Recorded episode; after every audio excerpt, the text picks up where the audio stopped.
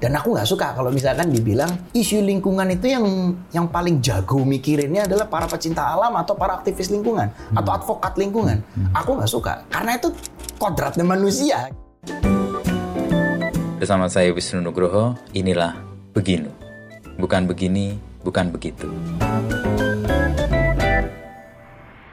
Halo pendengar setia Beginu, selamat datang di episode terbaru persembahan Kompas.com dan Media Podcast Network. Di season terbaru ini, dengan tema Lestari, Beginu akan mempersembahkan narasumber-narasumber inspirasional yang peduli terhadap alam, lingkungan, dan lestari. Pada episode ini, kita akan mendengarkan kisah Ramon Y. Tungka mengenai perjalanannya untuk mempelajari lestari dan alam. Bersama Wisnu Nugroho, kita akan mendengar perjalanan awal tersebut. Mari kita dengarkan kisahnya lebih lanjut.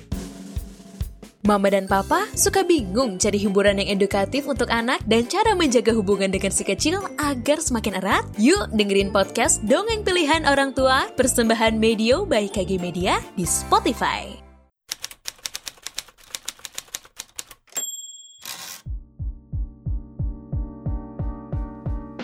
Ramon Y. Tungka. Kita ketemu di rumah ini. Apa kabar, Man? Sehat mas, alhamdulillah. Eh, harus happy lah. Kayak seperti lagi di acara-acara MLM gitu kan. Selamat pagi, selamat pagi, selamat pagi. Jangan, kalau itu sih berlebihan kayaknya. Selamat pagi cuma sekali aja. Tadi kita ngobrol banyak hal dan lo mulai dengan sesuatu yang membuat gue sadar. Oh iya ya, ada sesuatu yang harus kita dengarkan dan ternyata bunyi tadi mem- membantu kita untuk mengetahui apa yang kita lakukan. Ini mengaktifkan five sense ya. I see. Panca indera di mana pun kita berada ya harus nggak aktif pasti, tapi lebih lebih mendalami, lebih peka aja sih. Prinsipnya seperti itu. Karena kan aku nggak bisa berada di satu tempat terlalu lama kan. Jadi ketika kita pergi mengunjungi destinasi lain ya mulai dari nol gitu. Nah kepekaan itu melatih ya. Ketika Melatih. waktu lo pendek, lo dapet banyak ya untuk sesuatu yang kalau lo tergesa-gesa dan nggak tenang nggak dapet apa-apa. nggak dapat juga. apa-apa kan eh, mendatangi dengan telanjang. Ketika kita mendatangi dengan telanjang kita makin curious kan. Oke. Gitu nih aku. Curious itu kayaknya kalau dituruti jadi sesuatu yang yes, besar ya kalau kita punya Kita- keingintahuan besar menggali terus. dari ketidaktahuan ya. Dan mulai itu tuh kas wartawan sebenarnya lo belajar dari Iya mana? mas, aku memang dulu tuh cita-citanya jadi combat photographer sebenarnya. Karena aku suka baca dunia jurnalistik tuh aku suka dan ya suka belajar lah intinya gitu. Untuk banyak hal yang Ramon sendiri minati, itu gimana kemudian saling ketemu? Kalau kita pertama kenal atau tahu lah, Ramon kan dulu icon di MTV lah, VJ Han. gitu. Generasi gua atau generasi di bawah gua paling nggak mengenal itu kan. Oh ini dia MTV. Ya, Meskipun MTV sekarang juga sudah kayak selesai ya, generasinya udah berganti ya. Pergeseran. Terus sekarang menjadi sangat eh, peduli dengan lingkungan. Lihat tadi minat-minat yang begitu luas. Nah itu ketemunya itu di mana, Man? Sebenarnya ketemunya ketika di jalan dalam artian ya karena dari muda ketika masih ranum dulu ya Mas ya. suka bertualang kan, Oke. suka ke sana kemari. Nah, setiap tempat yang aku kunjungi aku melihat banyak keresahan. Eh, keresahan itu di antaranya kayak aku bilang fenomena kelapa sawit. Mungkin dulu ketika saya mendatangi tempat ini berapa tahun lalu luasan kelapa sawit tidak seperti ini. Tapi kok ketika ke tempat itu lagi besar, itu yang ngebuka mata saya sebenarnya Farid Gaban gitu. Pak. Bicara Asik, tentang Pak. sawit ya maksudnya. Wartawan juga tuh. Yes, eh, jadi waktu tahun 2013 saya di 100 hari keliling Indonesia, kami memanggil Mas Farid untuk menapak tilas ekspedisi beliau yang meraba Indonesia itu. Oke. Rute Kalimantan pada saat itu etapenya dari Kalimantan Barat ke Kalimantan Tengah menggunakan sepeda motor persis seperti yang beliau lakukan. Ketika menerobos kelapa sawit, dia diem. Saya ketika masih muda itu banyak bertanya kan, Mas kita lewat mana? Mas kita lewat mana? Karena kalau kita berada di labirin kelapa sawit 360 derajat sama kan? Ya, ya. Mas ini kita semua. lewat mana? Dia diem, saya pikir dia menentukan arah. Ternyata Ternyata hatinya sedang bersedih, gitu kan. Eh, malam ketika kita terpaksa berkemah, ya beliau cerita bahwa dulu saya lewat lewat Daerah jalur ini nggak gini, gitu kan. Kenapa gitu kan? Baru dia cerita tentang kelapa sawit. Setelah berpisah dari beliau, saya melanjutkan etapa lainnya. Mulai tuh aku kepikiran gitu kan. Apa yang diresahkan apa sih yang diresahkan gitu. Mulai kenaknya ketika di tahun berikutnya aku melewati jalur yang sama lagi, wow makin Lebih besar. Gitu. lagi. ya. Pada saat itu juga sempat ketemu kawan-kawan Navikula dengan Hmm. kampanye bersama Greenpeace saat itu mereka pakai badut harimau kan. Hmm. Oh aku tahu rasanya menjadi seorang Farid Gaban seperti ini. I Terus ketika makin banyak tempat yang aku kunjungi ternyata makin Resah. The more we know kan, the more uh, the less we know kan artinya sebenarnya. Oh ternyata di sini sampah plastiknya kenapa menjadi semakin banyak? Graffiti semakin banyak seniman ya ternyata di Indonesia gitu kan. Graffiti di jembatan apa segala macam tanda kutip yang atau di gunung apa segala macam. Nah, keresahan itulah yang membuat ini ya ya, ya apa caranya ini ya? Aku berpikir dari hilir ke hulu aja gitu semakin banyak tak pelajarin bertemu dengan orang-orang hebat dan hari ini saya ketemu Mas Isnu juga kan bahwa akhirnya kesimpulannya adalah gini sampah yang terjadi di lautan itu bukan kita ngebuang sampah di laut tapi ulah kita behavior kita dari daratan, Daratan. dari rumah Itu terutama adalah endingnya ya. Betul. Eh, saya pun masih apa ya mas, masih eh, berjuang untuk gimana caranya trying to be zero waste. Tapi perlahan-lahan langkahnya gitu kan menjadi less waste dulu. Mulai mengkonversi dari yang ke behavior yang ada di rumah, mulai penggunaan air, gimana caranya aku menampung air dari air hujan yang bisa dipakai untuk cuci mobil, siram tanaman, mengganti, mengkonversi menjadi eh, sabun sampo yang anti kelapa sawit. Karena dari situ kan kita bisa ngeliat bahwa kelapa sawit makin banyak itu karena demand Ya, kalau kita bisa stop demand-nya kita atau bisa stop demand-nya, maka sawit ekspansif. akan berkurang gitu kan. Prinsipnya seperti itu aja. Satu orang satu apa dalam satu ru- satu orang di rumah melakukan hal tersebut, maka orang dalam rumah tersebut akan tertular. Lama-lama tetangga akan tertular. Ya kita percaya kekuatan kolektif ya mas. Ya. Ya pada akhirnya aku ngeliat bahwa kelapa sawit itu demand, demand yang demandnya si perusahaan ini maka mereka membutuhkan kelapa sawit. Sama seperti kita bicara change your diet gitu.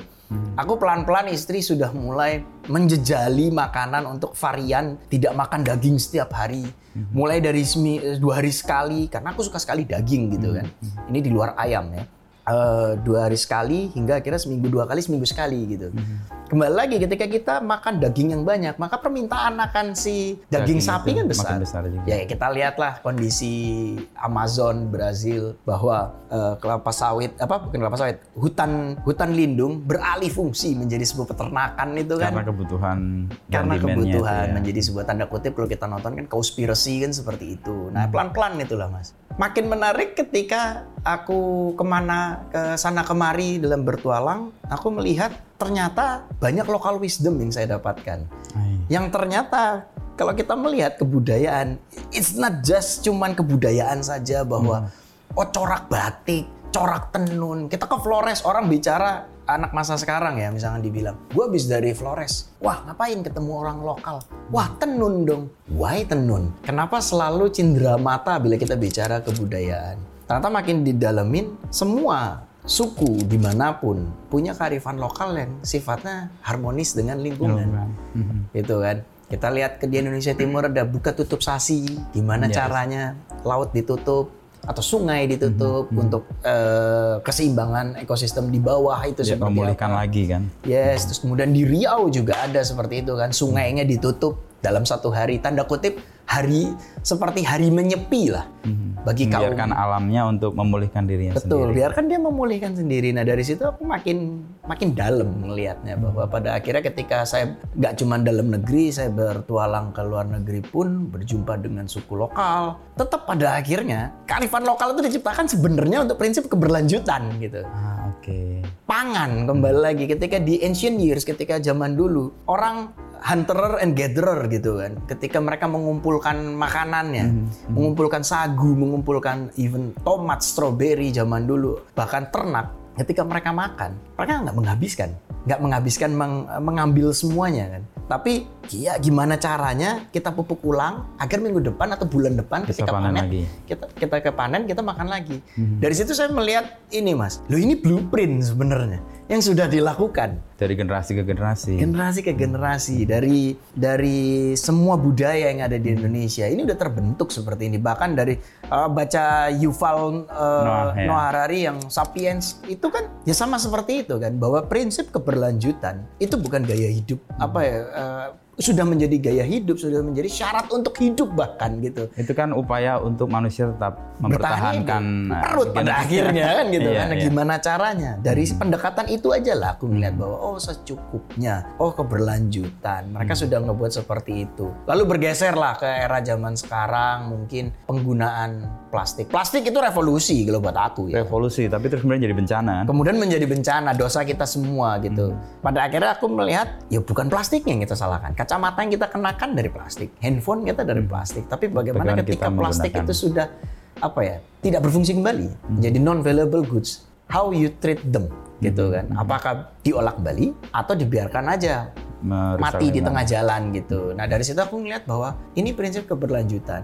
Orang zaman dulu bisa ke pasar tanpa plastik, kakek nenek kita dengan besek, bahkan dengan buatku revolusi berikutnya adalah rantang sebenarnya. Si, ya. Rantang itu sekarang mati suri kan gitu. Sebenarnya fungsinya rantang itu untuk apa sih? Ketika ke pasar beli sayur, beli apa, Situ semua. eh macam makanan jadi ya, semua taruh situ gitu kan. Bahkan Pulang, makan, petani dicuci. membawa rantang Persis. supaya nggak ada yang terbuang. Kalau plastik eh, dipakai sekali pakai mereka buang misalkan, lalu eh, besok mereka harus beli plastik lagi gitu. Saya nggak munafik bahwa pasti saya mendapati plastik ke mana pun. Mhm. Cuman bagaimana plastik ini saya olah di rumah. Ketika masih bisa dipakai, masih bisa dicuci kok. Mhm. Jemur bisa menjadi pembungkus sepatu.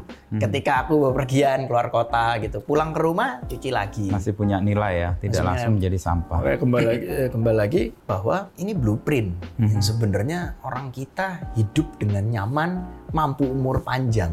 Karena dia mau mempertahankan keberlangs- keberlangsungan. diri, Berlangsungan tadi, malah lagi kelapa sawit itu demand dari kita sebenarnya penyumbang terbesarnya. Ke polusi sampah segala macam, sampah elektronik pun juga itu dari kita. Tinggal gimana kita ngasih tau teman-teman yang lain. Ini loh caranya gini. Kan Ramon, Ramon pergi ke banyak tempat nih.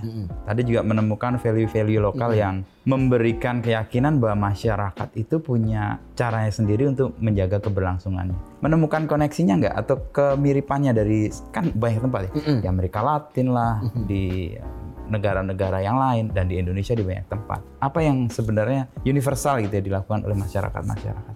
sesuatu yang universal yaitu tadi bahwa sistem ta- tanda kutip cadangan Mhm. lumbung padi itu Oh, itu ada di semua value ada semua tanda community kutip ya. lumbung padi di semua eh, suku-suku lokal di mana pun gitu. Mungkin ketika mereka tidak punya padi mereka punya gandum. Lumbung pangan lah ya. lumbung pangan ketahanan pangan lah. Prinsipnya itu mereka Menyimpan. itu universal. Karena bicara kebutuhan dasar manusia paling utama kan pangan Nah, unsur itulah kalau menurutku yang universal. Tinggal penerapannya sesuai kepercayaannya. Tadi di timur ada buka tutup sasi. Mungkin di belahan Greenland kita punya yang lain dia, karena kan sama-sama pesisir kan. Oke. Mereka makan salmon, mereka makan ikan. Mungkin budayanya lain, atau bahkan memberikan kepercayaan selamatan tadi tanda kutip. Ah, oke. Mereka eh, bicara dengan Valhalla gitu kan, bicara dengan Odinnya mereka. Sementara di Indonesia Timur atau apa kita percaya sama kepercayaannya masing-masing.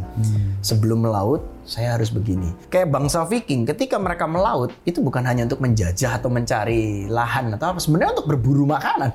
Ya. Ta- Akhirnya pada akhirnya kejayaan, karena kejayaan itu kan luas artinya. Kita mampu makan dengan tenang itu, Itu kan kejayaan. kejayaan, ya. Mereka pun juga melihat bahwa misalkan di perairan ini kita mendapati ikan banyak.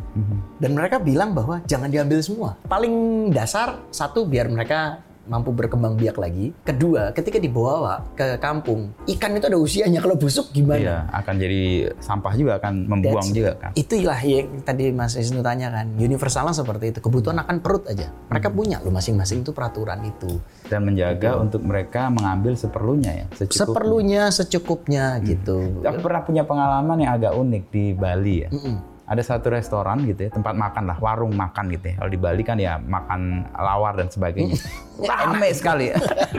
Rame sekali. Dan jam 10 itu udah habis. Aku tanya, Bu kenapa tidak beli ya? Beli kan ya, sama, sama Bo, Bo, Bo, Bo.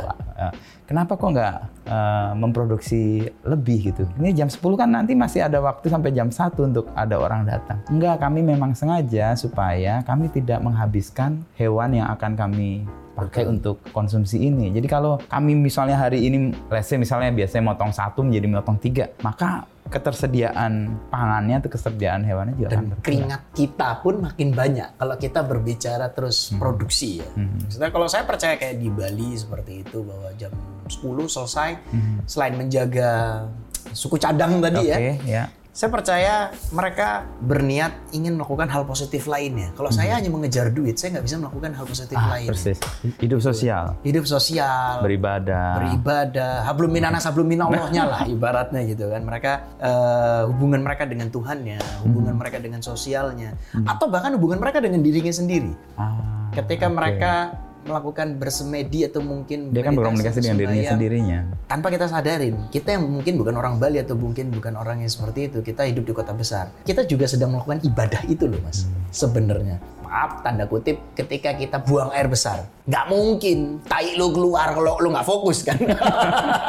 itu kan meditasi, artinya Iya, kan iya. aktualisasi diri gitu. Saya percaya bahwa hal-hal secukupnya seperti itu itu meaningnya luas Persis. meaningnya luas, nggak melulu kayak tadi eh, ketahanan pangannya saja, tapi aktualisasi dirinya seperti apa. Dan secukupnya itu kan sebenarnya cara paling sederhana untuk membuat sustainability-nya ber- ber- berkelanjut atau ber- berjalan lah ya. Berjalan. kayak di warung-warung atau di pasar-pasar di Jogja misalnya kalau kita lihat. Saya kayak di pasar Bring misalnya atau Bring- pasar Beringharjo. Beringharjo. Tapi gitu. kalau saya yang masuk berubah loh mas itu pasar. Oh, sekarang ya. Nggak berubah. Apanya? Eh, apa namanya bukan Beringharjo lagi kalau tiba-tiba saya yang masuk. Apa namanya? Pasar Bringasjo. Beringharjo. Sing teko Bringas. ada satu aku ketemu dengan beberapa penjual gitu ya. Kenapa dia juga tidak mengoptimalkan waktu kerjanya? Ya udah sampai jam 2 ya selesai, bahkan lebih siang tuh jam jam 1 gitu. Dia ngerasa saya punya kehidupan yang lain yang harus dirawat. Nggak cuman dagang, dia harus bersosialisasi itu dengan warga. sebenarnya. Itu menjadi lebih utuh kan hidupnya. Kita juga. manusia kan nggak nyari duit kan. Sebanyak-banyaknya duit kan prinsipnya apa ya istilahnya kayak karena saya tumbuh besar di Jawa, saya bukan orang Jawa ya. Eh, kita tuh tujuan utama hidup kan kita bermanfaat kan. Urip iku sejati ini urup gitu kan. Ya gimana caranya nggak cuma melulu eh, komoditi saja yang kita pikirkan, tapi kita gimana caranya sebagai makhluk sosial, aktualisasi diri tadi, bahkan triangle system itu bahwa kepercayaan, hubungan manusia, hubungan dengan alam itu kan kudu balance. Itu yang universal di semua Ya, di tempat semua. yang saya Dan Ramon kunjungi. menemukan itu ya. Bahkan ketika saya melakukan beda-beda. pendakian gunung gitu misalnya. Tiga hal tersebut malah makin kencang di saya. Maksudnya kencang dalam, dalam artian spiritual journey-nya makin dapat gitu. Hubungan dengan sesama rekan. Kemudian ketika berjalan kita menyadari bahwa kita kita, kita ini kecil, kita melihat keagungan kebesaran dari Sang Pencipta gitu kan. Lalu ketika saya berdiam, saya mengingat Sang Pencipta gitu. Kemudian dengan alam ya kita jangan merusak. Bah- Bahkan penerapan itu saya dan kawan-kawan dari hal bekal logistik yang kita bawa. Kita membawa turun sampah adalah hal yang sangat baik. Tapi alangkah lebih bijaksana ketika kita dari berangkat tidak membawa membawa barang sampah. berpotensi menjadi sampah. Persis. gitu kan membawa sayur yang sudah dipak gitu kan dengan mm, apa namanya eh, kita butuh akan serat kan pasti. Sudah langsung dimasak dan sampahnya pun juga walaupun misalkan kulit semangka apa segala macam itu kan mampu mudah dengan terurai. Gitu. Akhirnya ya aku menemukan itulah di setiap perjalanan kayak tadi menemukan kearifan lokal kearifan lokal yang ternyata hubungannya dengan alam. Ketika alam akhirnya bicara lingkungan. Dan aku nggak suka kalau misalkan dibilang isu lingkungan itu yang yang paling jago mikirinnya adalah para pecinta alam atau para aktivis lingkungan atau advokat lingkungan. Aku nggak suka. Karena itu kodratnya manusia gitu kan sebenarnya. Saya berkunjung ke rumah Mas Wisnu BSD misalkan lalu aku membuang pontong rokok sembarangan. Kan sampean tuan rumah pasti marah kan? Artinya kan isu lingkungan itu harusnya menjadi kesadaran kita semua. Utopianya adalah ketika kita menjalani dalam suatu hidup kita dat kita nganterin anak ke sekolah atau kita pergi ke pasar sudah tidak ada lagi tulisan jagalah kebersihan itu Itu utopia harusnya. ya kan? Kenapa masih ada tulisan itu gitu? Jagalah kebersihan berarti masih banyak orang yang harus diingatkan gitu kan? Ketika sudah tidak ada lagi tulisan itu berarti, Berarti sudah sudah kesadaran terjadi ya. sama seperti ketika kita apa namanya masuk ke tempat ibadah, Hmm. tempat ibadah mana pun. Nggak ada tulisannya kan harap tenang. Nggak ada. Otomatis orang akan tenang. Otomatis orang akan tenang karena sudah tahu betul. Ketika kita masuk ke rumah sakit misalnya, Hmm. Ya, ya. ruang praktek dokter, nggak perlu ada tulisan dilarang merokok kan. Hmm. Orang udah tahu bahwa itu tidak boleh gitu. Makanya saya bilang bahwa utopianya adalah ketika kita bicara lingkungan sudah tidak ada lagi tulisan jagalah li- kebersihan lingkungan. Artinya kesadaran sudah tercapai. Sudah tercapai. Sehingga orang tidak lagi diingatkan secara verbal gitu ya. Tinggal poinnya how-nya. Bersama saya Wisnu Nugroho, inilah Beginu. Bukan begini, bukan begitu.